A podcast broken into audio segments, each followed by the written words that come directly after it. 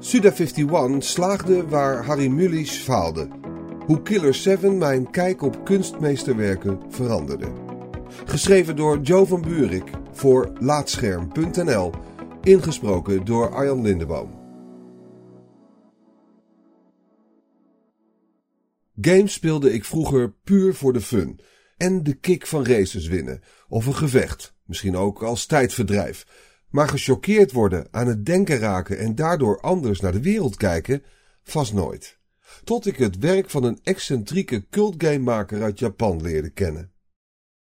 Goichi Suda, ook wel bekend als Suda51, want Go en Ichi zijn Japans voor 5 en 1, wordt niet voor niets de Quentin Tarantino van de videogamewereld genoemd. Hoewel hij zichzelf notabene liever vergelijkt met Tarantino's compaan en vakgenoot Robert Rodriguez, zo vertrouwde de Japaner mezelf eens toe in een interview. Sudasan staat erom bekend zijn games te doorspekken met allerlei engagement, uiteenlopende verwijzingen en een behoorlijke lading grof geweld, ingegeven door het werk van Frans Kafka, Britpopartiesten en Mexicaans worstelen. Richting het einde van mijn middelbare schooltijd maakte ik kennis met zijn meest impactvolle werk, Killer 7. Een game waarin je op basis van de inleiding denkt als huurmoordenaar eens lekker op grijnzende zombies te kunnen gaan schieten. Al gauw word je om de haverklap in raadsels toegesproken door geesten en blijkt je hoofdpersonage vrijwel letterlijk over een gespleten persoonlijkheid te beschikken. Het eerste level eindigt in een filosofisch debat over de manier waarop de wereld bestuurd wordt.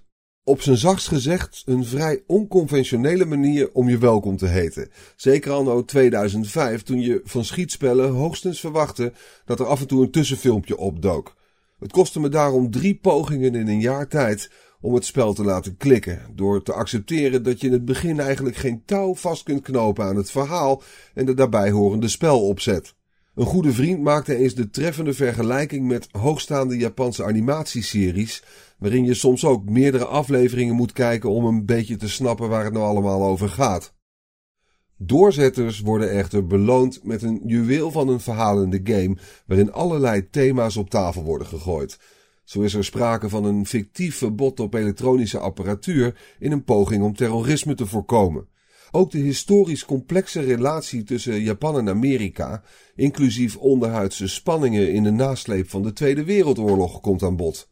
Suda schuwt schokkende thema's en middelen niet om de motieven van zijn personages kracht bij te zetten. Zo word je getergd door een pedofiele huurmoordenaar en passeert zelfs een absurdistische terreurparodie op de Power Rangers de revue. Dat klinkt niet alleen onsamenhangend en vaag op papier, maar komt ook zo over wanneer je de game voor het eerst speelt. Het zijn de hevig gestileerde cel-shaded graphics, hoogstaande geanimeerde tussenfilmpjes en vage dialogen die je binnenboord moeten houden.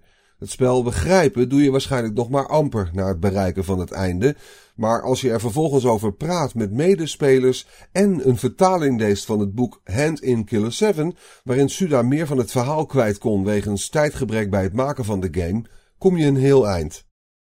De hele ervaring opende me de ogen. Ondanks ontelbaar veel boeken, films en andere gerenommeerde kunstvormen die je net zo goed aan het denken zetten, was het Killer 7 dat bij mij een stukje bewustwording creëerde over symboliek en verborgen boodschappen. Zo onverschillig als de ontdekking van de hemel van Harry Mulisch me liet in dezelfde middelbare schooltijd, zo enthousiast werd ik van Killer 7. Nog steeds raak ik niet uitgepraat over het meesterwerk en raad ik het elke gamer met ook maar een greintje interesse in games met een boodschap aan. De originele GameCube-versie is jammer genoeg bijna nergens meer te krijgen. Gelukkig verschijnt Killer 7 dit jaar, na het nodige getouwtrek met oorspronkelijke uitgever Capcom, eindelijk geremasterd op Steam. Ik ben benieuwd hoe de heruitgave 13 jaar na dato zal worden ontvangen. De game werd destijds door onwetenden beschimd. Niet alleen vanwege het vage verhaal, maar ook wegens de naar shooterbegrippen erg onconventionele besturing zonder echte bewegingsvrijheid. Stuk voor stuk zaken die de tand destijds wel eens goed zouden kunnen hebben doorstaan, juist omdat de opkomst van indie games menig gamer stukken meer open-minded heeft gemaakt. Ik hoop dan ook vurig dat die heruitgave leidt tot nieuw inspirerend werk van Suda51. Want eerlijk is eerlijk, na Killer 7 werd het langzaamaan allemaal een beetje minder.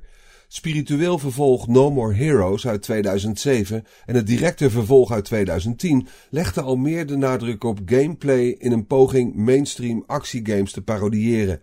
Latere titels Shadow of the Damned uit 2011 en Lollipop Chainsaw uit 2012 gooiden bijna alle diepere lagen overboord in ruil voor lomgeweld te midden van apocalyptische toestanden. Killer is Dead uit 2013 leek mede door de naam een return to form van Killer 7 te worden, maar bleek eveneens vrij plat. De recente op Dark Souls geïnspireerde free-to-play roguelike Let It Die uit 2016 is wel uniek, maar nog steeds veel meer gericht op actie dan het overbrengen van een boodschap. Voordat we nieuw werk zullen zien staat de volgende remaster al in de startblokken. Suda verklapte in een zeer boeiende let's play van Killer 7 ook zijn Twin Peaks-achtige avonturenspel Flower, Sun and Rain te willen remasteren.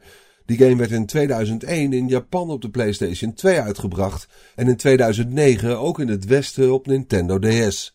Om Flower, Sun and Rain goed te begrijpen moet je eveneens visuele roman The Silver Case uit 1999 spelen, die onlangs al verscheen als HD remaster. Dat zou allemaal vast niet gebeuren als er nu geen nieuwe vraag was naar zulke geëngageerde games. Die van Suda51 blijven voor mij in elk geval onovertroffen.